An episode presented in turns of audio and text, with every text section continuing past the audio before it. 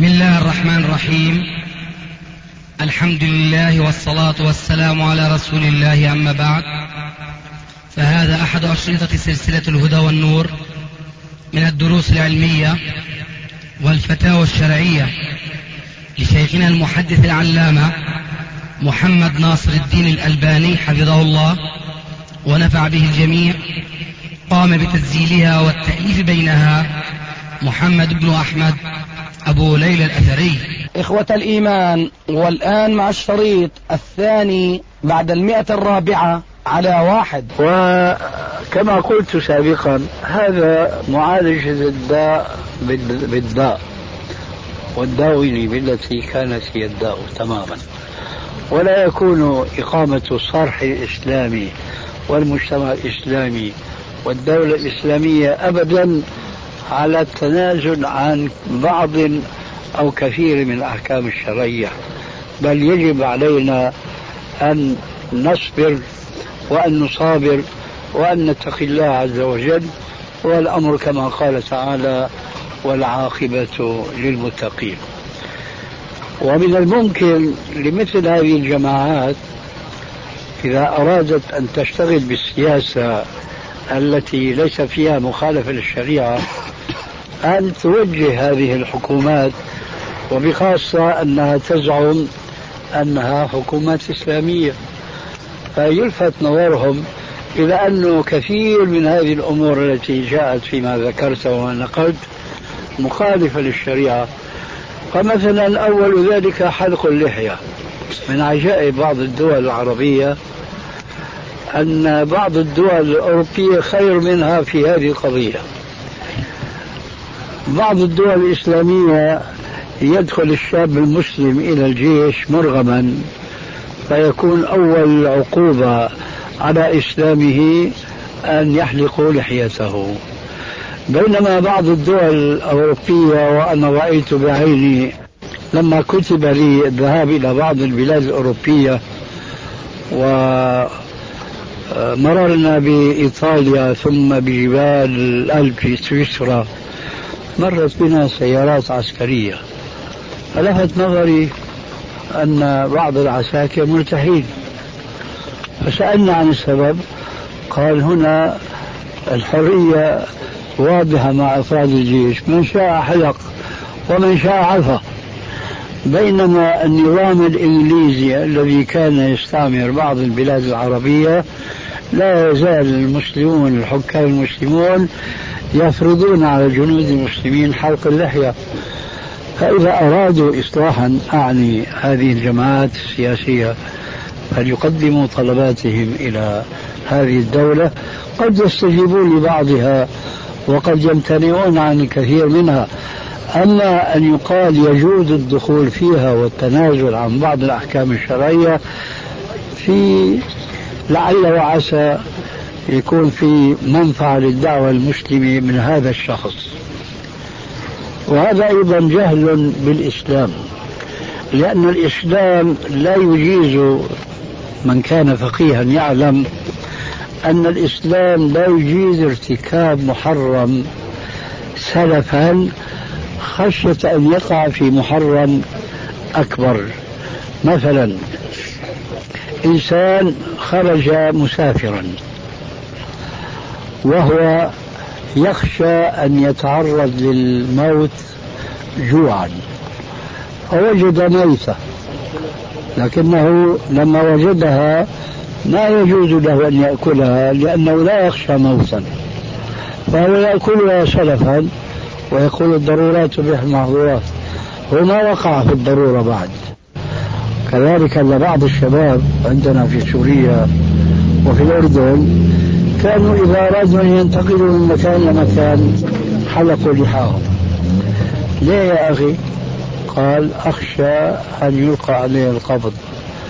طيب وقد لا يلقى عليك القبض. فإذا بما استحللت معصية الله عز وجل بلعله وهذه قاعدة لا يلتزمها هؤلاء الجماعات لأنني قلت أنهم لا أعتقد أن فيهم عالم درس العلم حياته درس الحياة الاجتماعية وعرف ما يجوز لها وما لا يجوز ثم نصب نفسه أو نصب عليهم أميرا فهو الآن يبيح لهم ما كان من قبل حراما. ومن ال ال المشاكل التي أشار إليها بعض علماء السلف أن يمسي الإنسان على رأي ثم يمسي على رأي آخر لأنه يتأثر بالتيارات والموجات التي تأخذه يمينه ويساره. ولذلك فعلينا أن نثبت على ما علمنا من شريعة الله عز وجل ولا يضطرنا ما نراه من الانحرافات لكي ننحرف نحن مع منحرفين مثل تحقيق مصلحة فإن المصلحة لا تتحقق, تتحقق بطريق ارتكاب المفاسد.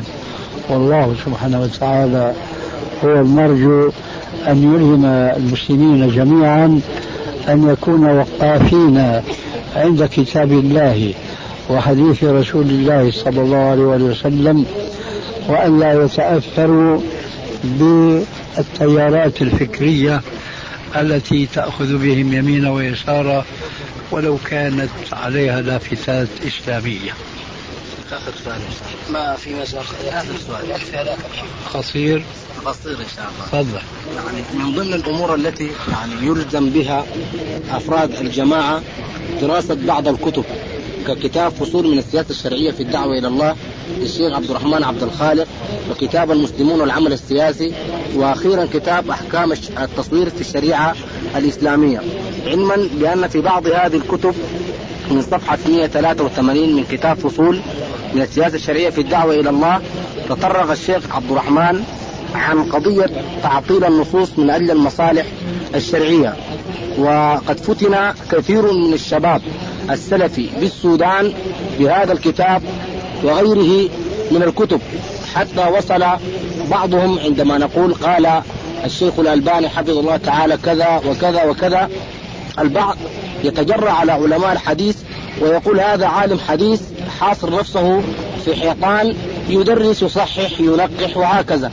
أما هذا رجل يدرس الواقع المعاش ويعرف متطلبات العصر لذلك يعني يؤدي الذي يحتاجه السودان حتى أنه ألف هذا الكتاب خصيصا للسودان. ومن هنا بدأت البلبلة من سنة 84 المنصرم الله المستعان هذا الباقي أمر مزعج جدا وهذا يؤكد ما قلته آنفا أن الذين يتولون قيادة الشباب المسلم اليوم هم من الشباب والذين لم ينضجوا في هذا العلم. صحيح الألباني يصحح ويضعف وإلى آخره ولكنه لا يعيش في المريخ ويعرف الأحوال التي تحيط بالمسلمين ولكنه يلتزم الأحكام الشرعية ولا يرى للمسلم سبيلا أن يقول إن الغاية تبرر الوسيلة. ولو سئل عبد الرحمن نفسه وهو كان تلميذا لي في الجامعة الإسلامية لو سئل أو لو أتيح لي أن ألتقي به هل أنت تقول بالغاية تبرر الوسيلة؟ لقال لا لأن هذه قاعدة كافرة. لكننا إذا لفتنا نظره بأنه ينطلق منها وحياته واستحلاله وتصويره باستحلال بعض المحرمات هذا تنفيذ لهذه القاعدة التي لا يمكن أن يعترف بها مسلم بل لا بد له من أن ينكرها. لكن ما الفائدة نقول شيئا ونفعل شيئا آخر؟ ولذلك نحن نسأل لأخينا هذا ولمن قد تورط به في مخالفة الشرع في بعض الأحكام نسأل لنا وله الهداية والتوفيق لاتباع حقا طريقة الكتاب والسنة وعلى منهج السلف الصالح. وأعود لأقول إن هذه الانفلاتات عن بعض الأحكام الشرعية تخالف طريقة المسلمين طيلة هذه القرون عديدة ومن يشاقق الرسول من بعد ما تبين له الهدى ويتبع غير سبيل المؤمنين نوله ما تولى ونصره جهنم وساءت مصيرا. ونسأل الله عز وجل أن يعرفنا بطريق المسلمين الأولين وأن يلهمنا السير على منهاجها. والسلام عليكم ورحمة الله هم وبركاته. شو بريدوا عفوا؟ هم شو بريدوا شيخنا؟ من الشيخ الألباني اللي حاصر حاله بين أربع واجهات والدعوات دائما مستمرة ليلا ونهار وألوف الأشرطة المسجلة في المجالس العلمية وغيرها وفي الدعوات والمناسبات. كيف هذا حاصر نفسه؟ أنا بدي أعرف. عقولهم هذول محدودة. اي والله الله المستعان الله المستعان. ادعوا ادعوا اي والله هذول معوقين ادعوا لهم بالهداية الله يهدي. بسم الله الرحمن الرحيم. جزا الله عنا وعن الإسلام خيرا. شيخنا آه الشيخ محمد ناصر الدين الألباني. بارك الله في علمه وفي عمره. ونحن ومن هنا إن شاء الله يعني نناشده مناشدة خاصة أن يؤلف مؤلفا في حول هذه المواضيع حتى يعني يستفيد منها جميع الناس. لأن هذه الأشرطة لا تحو لا يعني يعني تصل إلى كل الناس أو إلى يعني نشاطها يكون محصورا في بعض الناس. نعم. ولذلك نناشده مناشدة خاصة أن يؤلف مؤلفا حول هذه الأمور كما ألفت مؤلفات خصيصا للسودان. نرجو الله أن يوفقنا ذلك. وأن يستجيب دعاءكم. وادعوا لنا في الغيب. جزاك الله سؤال موجود تفضل يا أخوانا نشوف شوي هوا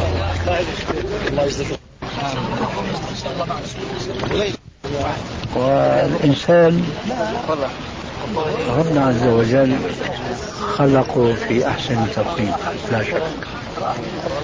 وقدر له حاجة إلى طعام إلى شراب إلى الراحة إلى النوم. إلى النوم. وكل إنسان يحتاج إلى ساعات من الراحة بالنوم خاصة إذا كان شابا قد يحتاج إلى ساعات أكثر. فإذا سهر بعد صلاة العشاء ساعتين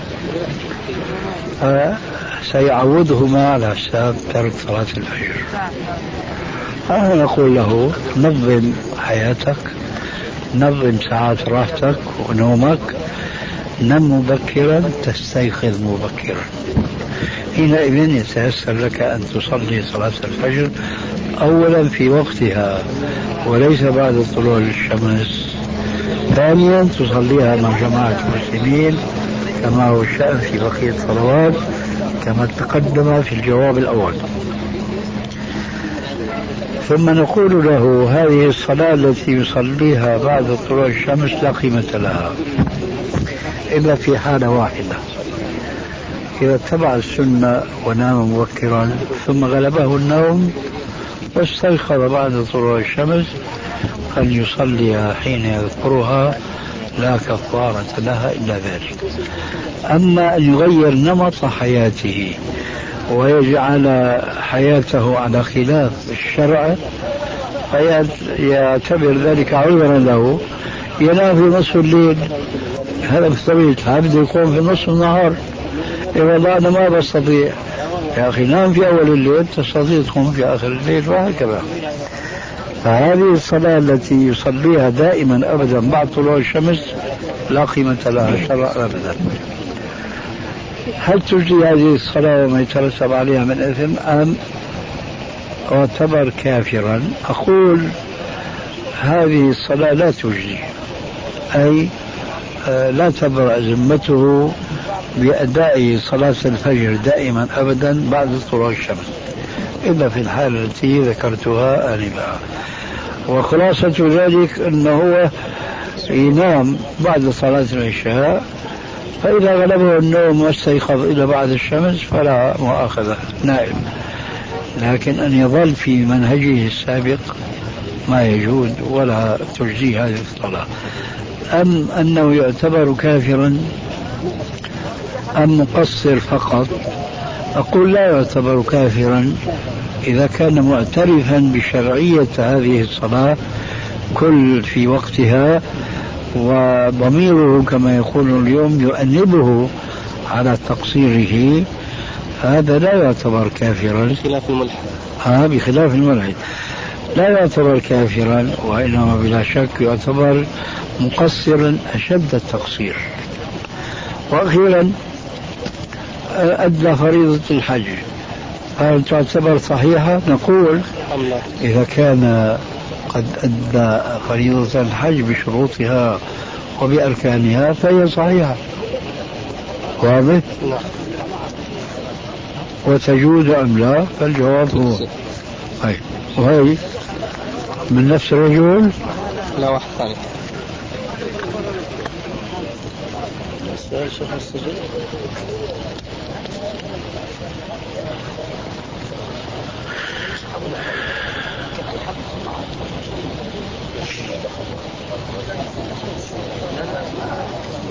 يقصد فيها الشيخ هو يصلي ولا ما يصلي؟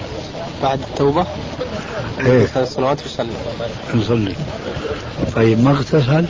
أثناء بعد ما رجع إلى الله قبل ثلاث سنوات يقول ما أغتسل. لا جاهل فيها.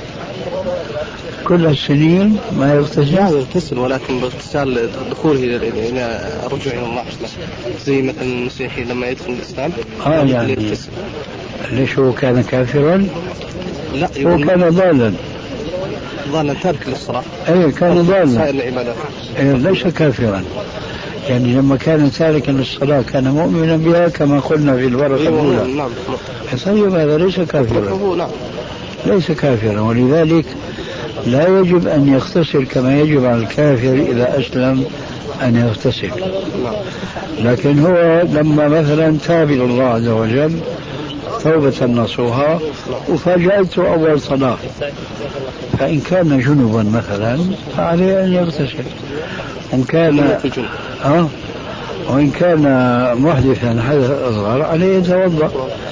لابد أنه فعل هذا وهذا. نعم. أما اغتسال آه لأنه آه اهتدى هذا إنما يجب على قول من يقول من مشايخكم في هذه البلاد أن تارك الصلاة كسلا كافر مرتد عن دينه هذا ليس صوابا. ولذلك فهو بعد أن أسلم منذ ثلاث سنوات لا يجب عليه إلا ما فعله أن يغتسل غسل الجنابة عند اللزوم وأن يتوضأ لكل صلاة. ونسأل الله أن يثبتنا وإياكم جميعا. أنت حلفت بالطلاق لها. أنك لا تسافر؟ ولا لا تسافر إلى أفغانستان كان حلفك بالطلاق عاما أم خاصا؟ خاصة بالأفغانستان. بأفغانستان حلفت لها بالطلاق أنك لا تسافر إلى أفغانستان نعم. كويس؟ طيب. والآن تريد أن تسافر. نعم. وما دخلت في الزوجة دخلت بالزوجة خلاص يعني وقت وقت القسم ما وقت القسم. ما كنت داخل. ما كنت دخلت أما كنت عاقد نعم كنت عاقد فقط. الآن إذا كان يوجد من إخوتك من يقوم بخدمتها نعم. فيجوز لك أن تسافر إلى أفغانستان وعليك كفارة يمين وذلك إطعام عشر مساكين. نعم. هو. أخوي سألتني في الحج يا شيخ. حجزت في العام قبل الماضي. كيف؟ حجزت في العام قبل الماضي. ولا أذكر أنني آه، سعيد سعي الحج اللي هو بع- بعد طواف الإفاضة فما الحكم في ذلك. السنة الماضية؟ قبل الماضي. قبل الماضية نعم. لا تذكر أنك سعيد. غير متأكد يعني. وكان حجك تمتعا؟ تمتعا نعم. إيه. عليك هدي وعليك إعادة الحج.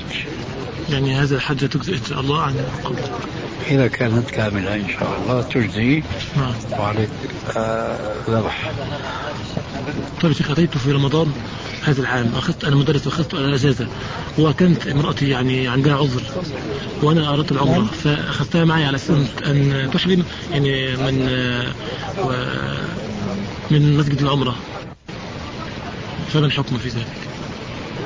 على أساس لا تتابع العمرة إطلاقا وأنا أنوي العمرة وحدي.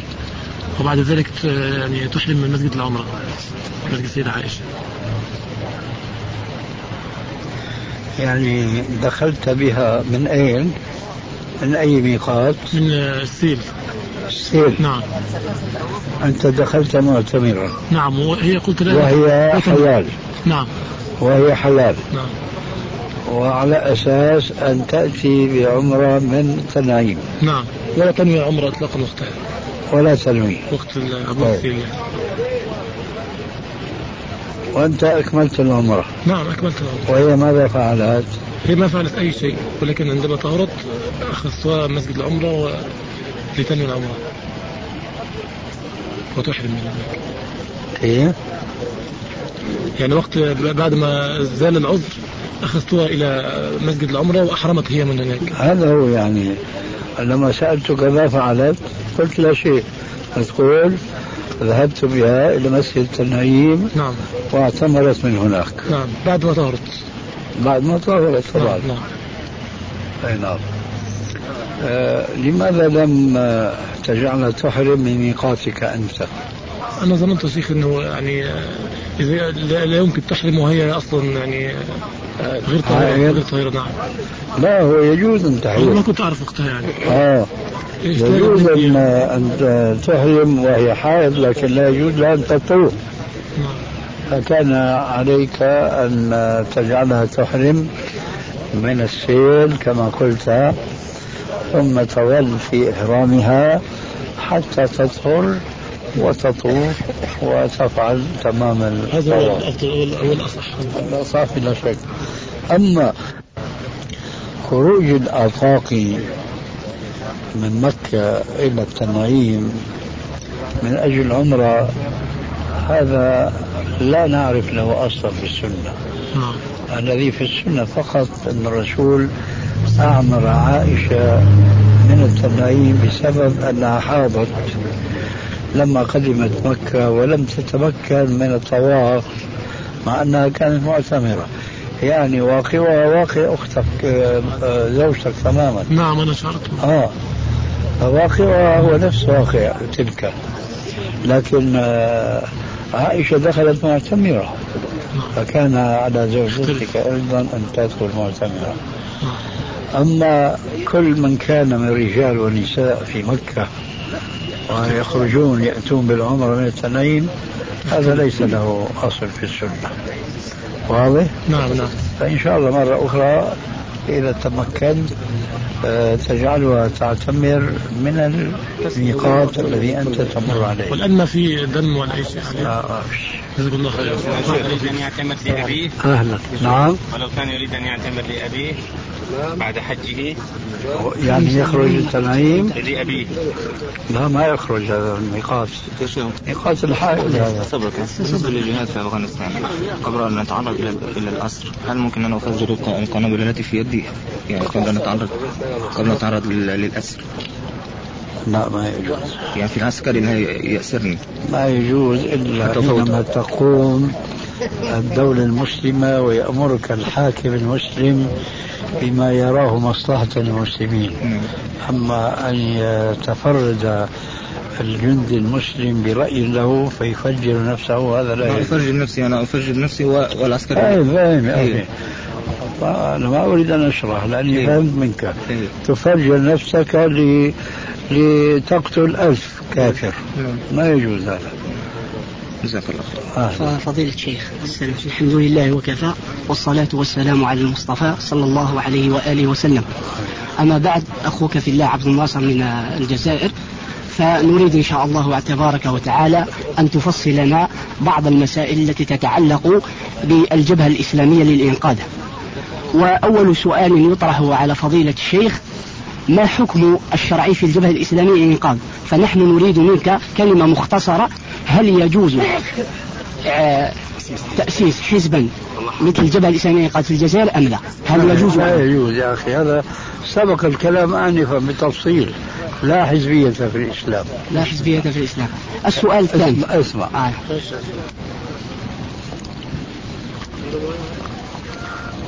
مسجل حمية يا شيخ ها مسجل حمية ما هذا جزائري يا أخي. هذول حماة تفضل. بلغني أن عدد أفراد الجبهة كذا مليون صحيح؟ آه، الله أعلم. العدد الله أعلم. مناصرين مناصرين. مناصر الله أعلم. نشرته الجرايد ما يكون إلا العدد هذا الله أعلم. ما نشرته الجرايد المصرية معليش معليش. أنت مصري وهذا جزائري وأهل مكة أدرى بشيء آه. كم تقدر عددهم؟ ربما حوالي 8000 ولا من كان آه. متى أسست الجبهة؟ ال- الإسلامية في 19 هذه فبراير النهضة شو اسمها؟ 19 فبراير ما 1900 أفهم بالإفرنجي أنا آه. آه. في 19 ينا- يناير ما أفهم يعني من كم سنة؟ سنتين من سنتين آه. إيه سنة ونصف سنة ونصف سنة ونص آه. قول خمس سنوات آه. طيب هل هؤلاء عرفوا الإسلام جميعا؟ عقيدة وعبادة وأخلاقا وسلوكا؟ لا. إسلامية عصرية. أقيموا دولة الإسلام في قلوبكم تقم لكم في أرضكم. فاقد شيء لا يعطيه. لذلك أنا لا أستبشر خيرا من هذه الجبهة ولا من سواها لأنهم يستبقون الأمور. ومن استعجل الشيء قبل أوانه ابتلي بحرمانه. ولذلك لا أؤيد هذا التحزب بل هناك بعض الأحزاب أقوى من هذه من حيث التربية الإسلامية. مع ذلك شذت في كثير من الأحكام الشرعية أو قليلها كما سبق بيان ذلك آنفا وقريبا. طيب السؤال الثاني. سؤال ثاني. ما موقف السلفيون بالنسبة للجبهة الإسلامية؟ هل يدخلون معهم أم يعملون لوحدهم؟ موقف أتباع السلف الصالح. لأنهم ليسوا داخلين مع إذا. كنت تريد يعملون لوحدهم أي كتلة وحزبا جديدا؟ لا يدعون كل واحد للدعوة السلفية. يبقون كما هم كما هم إلى الله. أيوة. وكما كانت الجبهة قبل أن تفرض نفسها جبهة. كيف كانت؟ أليس كانت تدعو؟ كانت تدعو لكن طبعا. الآن اشتغلت في السياسة. وتريد أن تقاوم إيش؟ الحكم الكافر المنافق ال- ال- إلى آخره. لن يستطيع أن يقاوم الكافر إلا المؤمن. المؤمن حقا. الذي تربى أولا على عقيدة صحيحة وهي التوحيد وثانيا على السنة والسنة الصحيحة. ثم تطورت أخلاقه التي كانت طيلة قرن من الزمان وأكثر بسبب التربية الإفرنسية هذا يحتاج إلى قرن وربما أكثر لتنقلب التربية الإفرنسية إلى تربية إسلامية. فما بين عشية وضحاها طلعت هذه الجبهة وجبهة إسلامية وما شاء الله. هل يجوز هجرهم هجر؟ الجبهة هل يجوز هجر أهل الجبهة؟ هناك آه، بعض لا شباب لا سلفي ما نقول أهجر لكن أريد أن أتم الجواب عن السؤال السابق. أنتم تظلون تعملون في الدعوة إلى الكتاب والسنة وبالرفق واللين وبالتي هي أحسن. وهؤلاء لا تعادونهم. وإنهم وإنما تناصرونهم فيما هم عليه من الحق. وسئلت أنا كثيرا هاتفيا أنه بالانتخابات البلدية التي جرت عندكم. فأنا كان جوابي كما أقول لكم لا تكونوا منهم واختاروهم إذا كانوا هم خير من الآخرين من الأحزاب الأخرى. أيوة. واضح؟ واضح؟ طيب غيره. آه، السؤال الثالث فيما يتعلق. قبل مجيئنا إلى موسم الحج فعقد أعضاء الجبهة الإسلامية إيقاف تجمعا في الملعب خمسة جويلية وأثناء التجمع ظهرت سحابة مكتوبة الله. فرع الله. آه فقال البعض فقال البعض أن الله تبارك وتعالى مع الجبهة. فهل هذا الكلام صحيح أم لا؟ نحن نريد فقط هل آه، ظهور علامة الله في السماء دليل على أن الله تبارك وتعالى راضي عن الجبهة عن العمل الجبهة الذي قاموا به أم لا؟ وسوف ترى إذا انجلى الغبار أفرس تحتك أم حمار. لما تجدون آه، نتيجة الجبهة هذه وأنها ستصاب بما أصيبت بعض الجماعات الأخرى في البلاد الإسلامية الأخرى حينئذ تفهمون هذه الظاهرة التي أظن أنها خيال في خيال. وهب أنها حقيقة. إن كنت رأيتها بأم أنا عينيك لم أراها. هذا هو. وكل من يحدثني ويسأله يقول أنا ما رأيته. طيب من الذي رأى؟ آه إشاعة هذه. حبها أنها حقيقة. لكن هذه ما تدل على شيء إلا على قدرة الله الذي يتصرف في السحاب كما يشاء. أما أن هذول الجماعة هن على حق. ولا هذه إرهاص وإشارة لجماعة أخرى. قد تأتي من بعدهم أو, أو احتمالات. فهذه كلها ظنون ورجوم يوجد عبارة في اللغة العربية هي خرافة. خرافة يا أم عمر. تسمع بهذا؟ لا. هذه من الخرافات هذه. إشاعة الجزائريين هذه ظاهرة هذه خرافة. لكن عندنا كلمة تعجبني بهذه المناسبة من لغتي الأصلية وهي الألبانية وهي فخمة وتناسب الخرافة أكثر وهي برالا. تعرف كلمة بي بالفرنسي؟ موجودة أيضا في اللغة الألبانية فهم يقولون برالا. يعني خرافة ما بعد خرافة. ولذلك لا ترفعوا إليها رأسا شيخ فضيلة شيخ. نريد منك. يعني ارجعوا إلى الله والدعوة إلى الله. آه. يعني الله يعني نريد منك يا شيخ فضيلة الشيخ. نريد منك أننا رأينا الشباب الجزائري يشتغلون أكثر بالسياسة ولا يشتغلون بأمور دينهم وبالتفقه في الدين والتعلم. مشكلة. فنريد منك النصيحة لهم إن شاء الله. كلمة وجيزة نصيحة للشباب حتى نقدمها للشباب الجزائري ونحن قيل الكلمات هنا حول العلم النافع. والعمل الصالح. وما نستطيع نحن الآن نعمل ونعيد المحاضرة مرة بعد مرة وكرة بعد كرة. لكننا نقول نأمر الشباب المسلم في كل مكان أن يتعلم العلم النافع كتابا وسنة وعلى منهج السلف الصالح وأن يكون عاملا بعلمه مخلصا في علمه وفي عمله لربه. تبارك وتعالى. هذه هي النصيحة. والسلام عليكم. الله ينورك يا شيخ. الدعاة السلفيين أن يردوا عليهم من فوق المنابر في المخالفات في الشرعية المخالفة الشرعية. هل تنصح نعم الدعاة السلفيين المخالفات لابد لكن آه. إذا كان مش محظورا حرب كما هي طبيعة الجزائريين. لا بالتأني بالتأني والرفق واللين. لأنه هذول وغيرهم يجب أن نعتبرهم مرضى.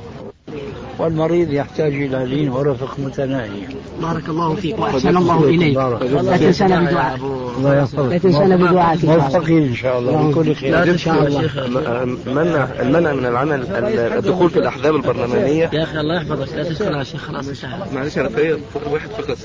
المنع من, من العمل في الأحزاب البرلماني وعدم دخولها هل من باب الولاء والبراء أم من باب الموازنة بين المصالح والمفاسد وتغليب المفاسد على المصالح؟ شيخنا يكفي الله يجزيك الخير ما, ما انت الحاجب مو طالب بايدك تحجب.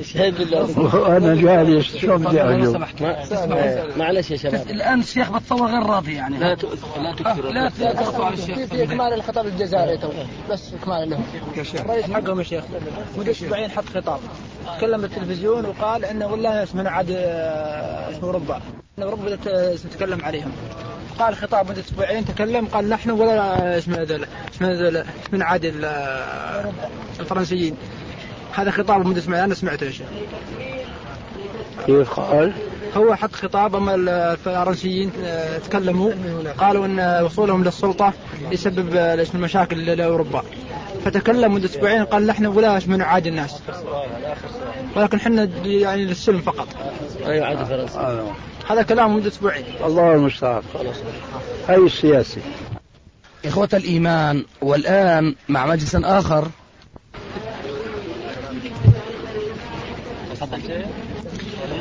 إيش رأيكم في مسألة ال- اخذهم عاده قراءة القرآن في البرامج والحفلات الابتداء والختام؟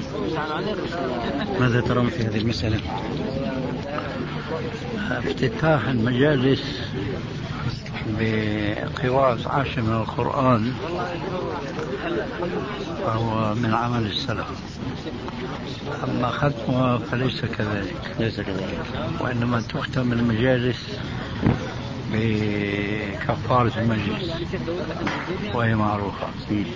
هذا الجواب عن سألته أحسنت. جزاك الله خير. المسألة الثانية آه، ال- الجمهور طبعا يعرفون التمتع بالحج أنه المجيء في أداء العمرة في أشهر الحج في سفرة واحدة. وخالف في ذلك ابن عباس والحسن البصري. الحمد لله. يرحمكم الله. يهديكم الله ويحسن بالكم كيف خالف في ذلك؟ لم يشترطوا سفرة واحدة. ما أظن خالف في ذلك. وإنما قال فيما لا ذكر. تس... لا تسرد كلامك تبني على شفا جرف مم، كيف؟ لا تقل خالف في ذلك. لأن المخالفة تستدعي عدم الموافقة على هذا العمل. لا هو في موافقة إلا اشتراط السفرة الواحدة. لذلك لا تقل خالف. طيب. طيب وضح ي- الآن شو قال. آه، قال ابن عباس والحسن البصري طبعا هي أداء العمرة في أشهر الحج. ولم يشترط سفرة واحدة.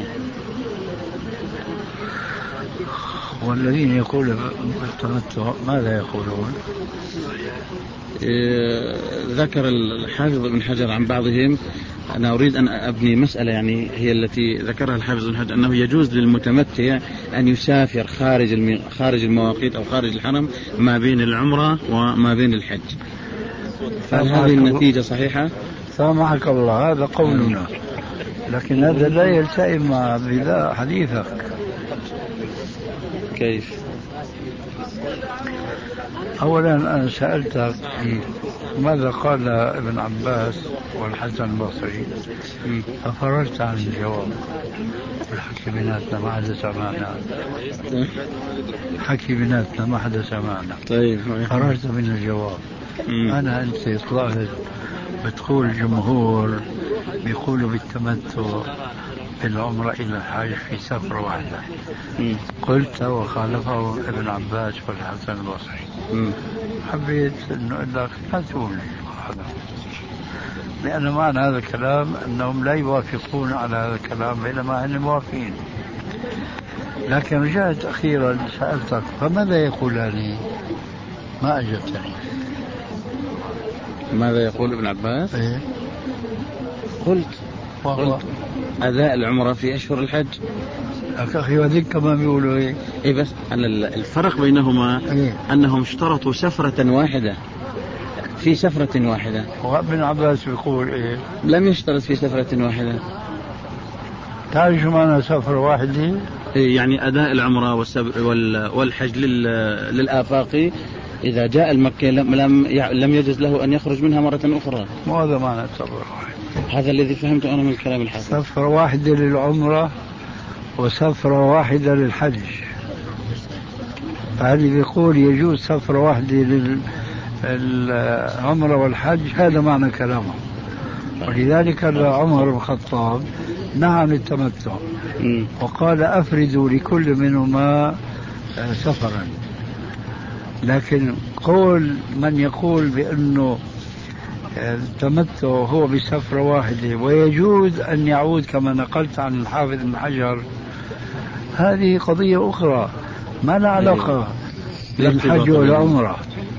ما في لا. قد يقول البعض لا هو لازم يبقى في الحرم في مكة إلى آخره.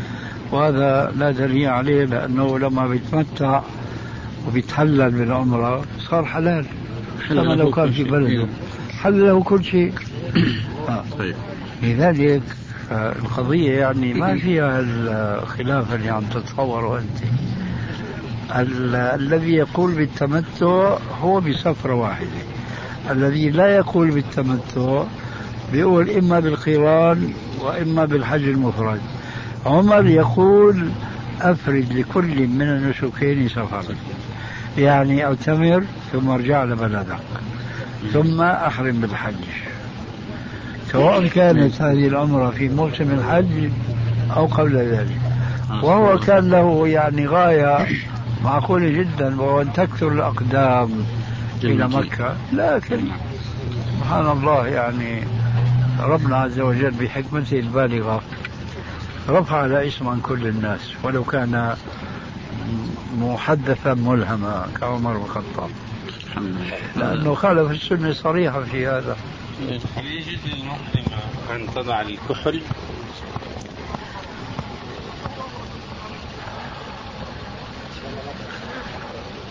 لابد. شوف أبو ليلى عم يطلع فيك. ما بعرف بقى في شيء بينك وبينه؟ والله يا شيخ بينه وبين ابو عبد الله. والله شيخنا في بعض الأسئلة إن شاء الله يعني بس تكون يعني مضبوط مضبوط ما في حد عشان فيه وليش اسمه ولا عرواك متى خلصت الحج. يلا يلا الآن بعد هذا السؤال. طيب. يجوز طبعا. ألا يدخل في مسألة أنه طيب للنساء من أن لونه يظهر ولا ي... تظهر رائحته؟ لا ليس طيبا إنما هو كحل. لا يقال تطيبت المرأة بالكحل وإنما تكحلت.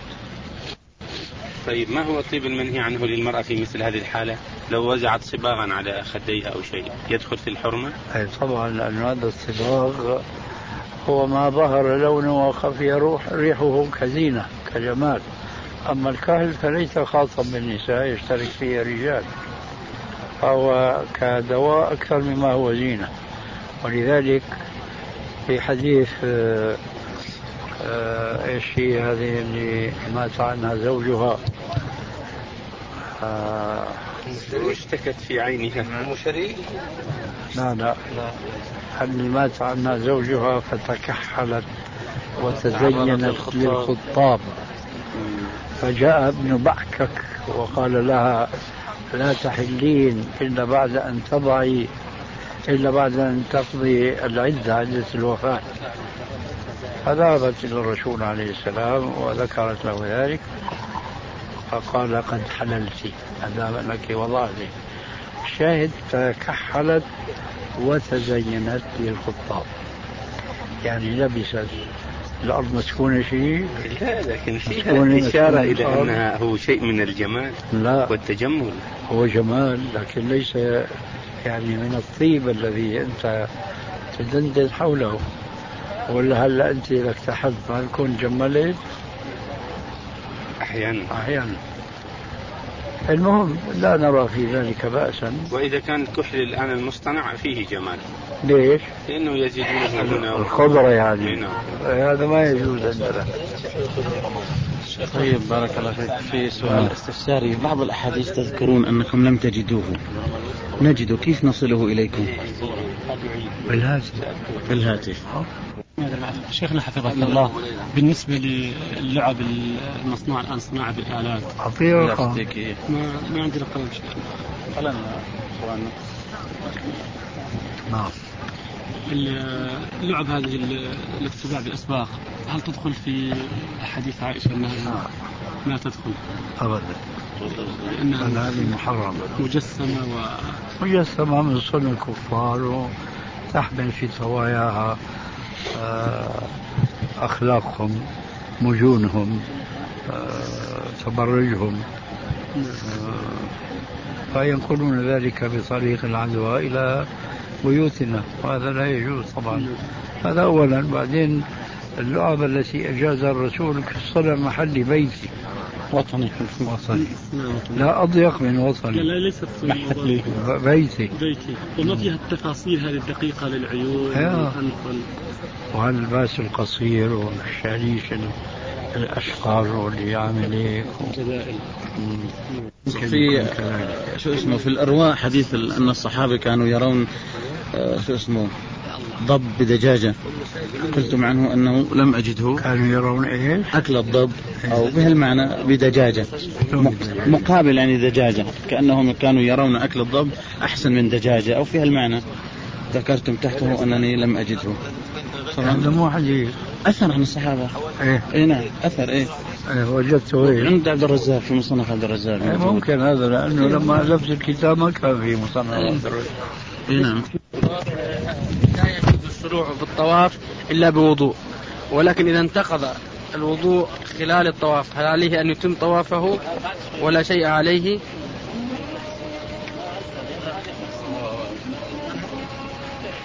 كما لو التي تحيض حاضت وهي تطوف ماذا تفعل؟ تمسك عن الطواف. كذلك هو. لكن هو يستطيع أن يجدد وضوءه وهي تجدد طهارتها ما شاء الله بعد أيام. يتم يا شيخ ولا يبدأ من جديد فعله؟ أو يتم. نعم.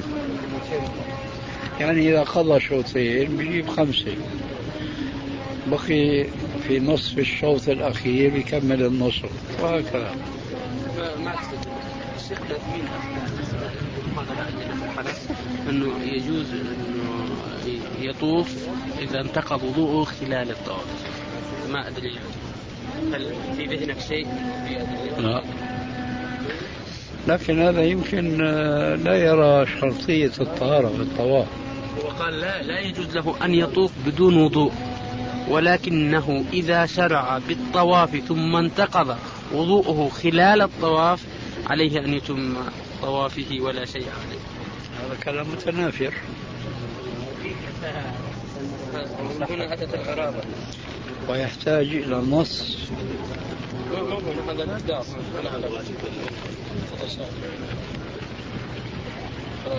يحتاج تخطب ليلة يحتاج إلى نص تخضع الأعناق له ولا وجود له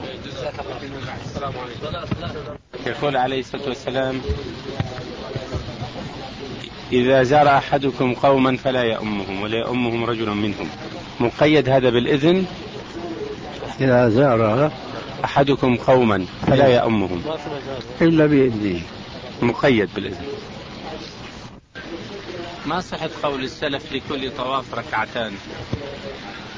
إيش؟ قول بعض السلف لكل طواف ركعتان.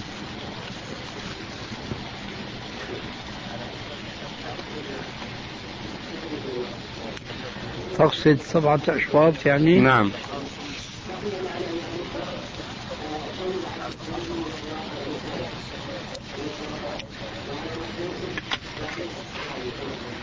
أنا بظن أن هذا موجود في الحديث ابن عمرو المرفوع اللي فيه الحض على الطواف وختم كل طواف بركعتين موجود في الترغيب والترهيب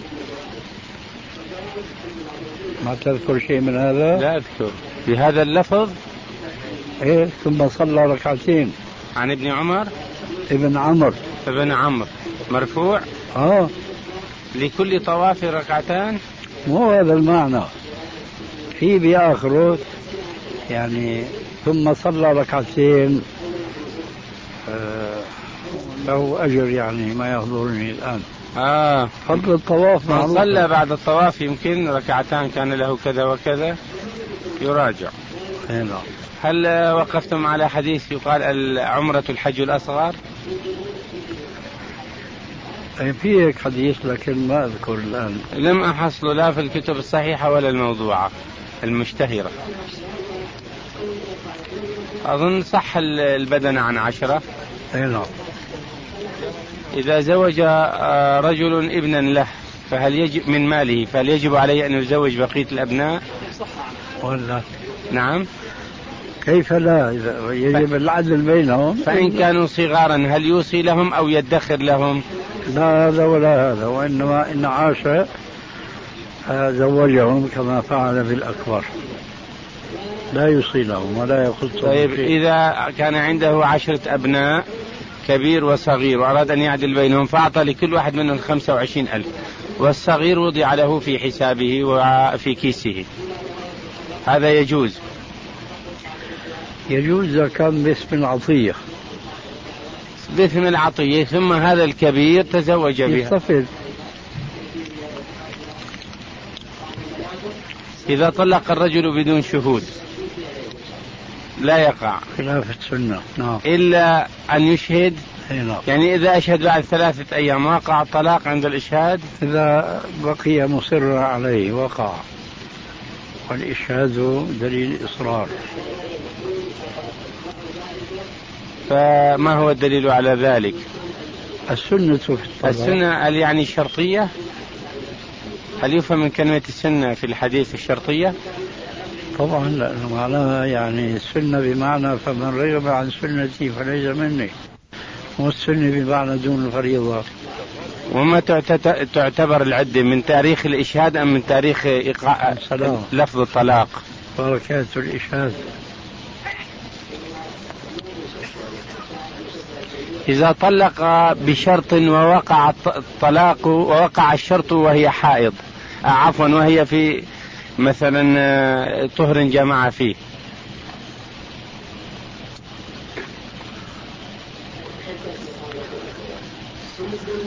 إذا طلق عليكم السلام. إذا علق الطلاق بشرط. إيه بلاش تقول بعلقة نعم. قول- طلقة إذا طلق بشرط. قول طلقة وهي حائض. لا. بلاش علقة علق الطلاق بشرط. الله يهديك أنا عارف. آمين. ما أقول لك بلاش تقول علقة لأنه ستفهم جواب علقة فيما إذا قلت طلقة إيه، ليس الغاية معرفة هذا للحائض بالذات. اللي ما بيجي معك معه إيه. علق الطلاق بشرط. نعم. ووقع الشرط في حالة الحيض. في حالة طهر لم يجامع فيه. في حالة الطهر لم يجامع فيه. لا يجامع أي فيه. جمعها فيه عفوا. هيك قلت في الأول. نعم. جامع فيه. هذا جوابه يقع. ولا يقع. ليش؟ لأنه هل كل طلاق معلق يقع؟ آه على فرض أن هذا الطلاق يقع. صار عندنا الآن الطلاق المعلق بشرط قسمان. قسم يقع وقسم لا يقع. والطلاق الذي معلق بشرط الذي يقع يقع ولا يقع. فإن وقع الشرط في حالة بدعية لا يقع الطلاق. يقع. في. لذلك قلت لك بلاش تعلق. طيب. إذا طلق في حالة الحيض يقع أم لا يقع؟ يقع. وإذا حل... طلق في في طهر جامع فيه يقع ولا لا يقع؟ لا يقع إيش هذا؟ الله يهديك لا آمين. تفضحنا قدام طيب. في عيوننا متراقبنا طيب آه الذي أعرفه منكم أن الطلاق البدعي لا يقع إنما جاء النص بوقوع طلاق الحائض فأوقعناه وهذا ما أحفظه من عشرين سنة في بيتي اي هذا تمام لكن نحن ما حصرنا كنا نقول بالأول بقول ابن تيمية انه الطلاق البدعي لا يقع. إيه. فلما وقفنا على الأحاديث وعليكم السلام ورحمة الله وبركاته. وعليكم السلام ورحمة الله وبركاته. مضاربة الرجل بعمله مع أخذ أجرة محدودة. لكن أهل العلم أو بعض أهل العلم يقولون أنه إذا حصل خلاف لا يمكن حل هذه المشكلة. فإما أن يكون الإنسان أجيرا وإما أن يكون شريكا. فما ردكم على هذا؟ ولا يعرف في الشعر في الش- في الشرع أو في أجير وشريك. إما أن يكون أجيرا وإما أن يكون شريكا. هل هذه عبادة ولا معاملة؟ لا معاملة. والأصل فيها الإباحة. فلما خرجت عنها؟ طيب. جزاك الله خير. جزاك الله خير. ريحتنا الطلاق بغير شهود بدعي؟ شهود إيه. شلون بدعي؟ خلاف الشرع حرام. وطلاق الحائض خلاف الشرع؟ طبعا حرام. وخلاف وطلاق المرأة التي جمعت في طهرها؟ كذلك كيف أوقعتم طلاق الحائض وطلاق المرأة التي في طهر جمعت فيه ولم توقعوا طلاق البدع أو الحرام للشهود لعدم وجود الشهود؟ لوجود دليل.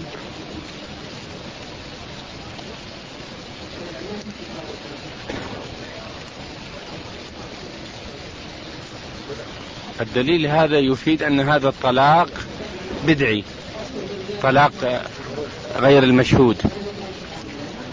إيه بس البدعي انت جبتها من مفهوم السنة. أليس كذلك؟ نعم. طيب. فنحن الآن نقف عند السنة. السنة لمن يطلق أن يشهد شاهدين. فمن خالف السنة فقد خالف. والقرآن يوجب الطلاق المرأة مستقبلة عدتها. وهذا جاي في حديث ابن عمر اللي فيه أنها طل- أنه طلقها وهي حائض ونفذت عليه. فهذا ملحق بطلاق الحائض. الطلاق التي جمعت فيه في طهر جمعت فيه. إيه؟ لأنها غير مستقبل العدة. كله كله في حديث ابن عمر هذا جاء. فالعلة واحدة.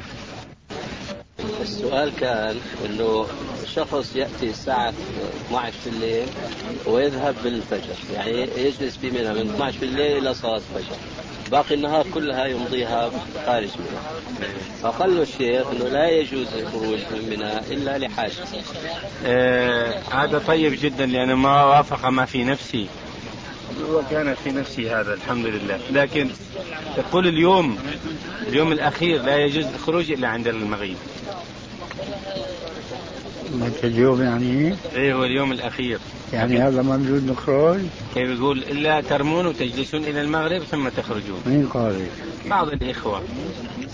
يبدو فهم الرواية الأولى فهما خاطئا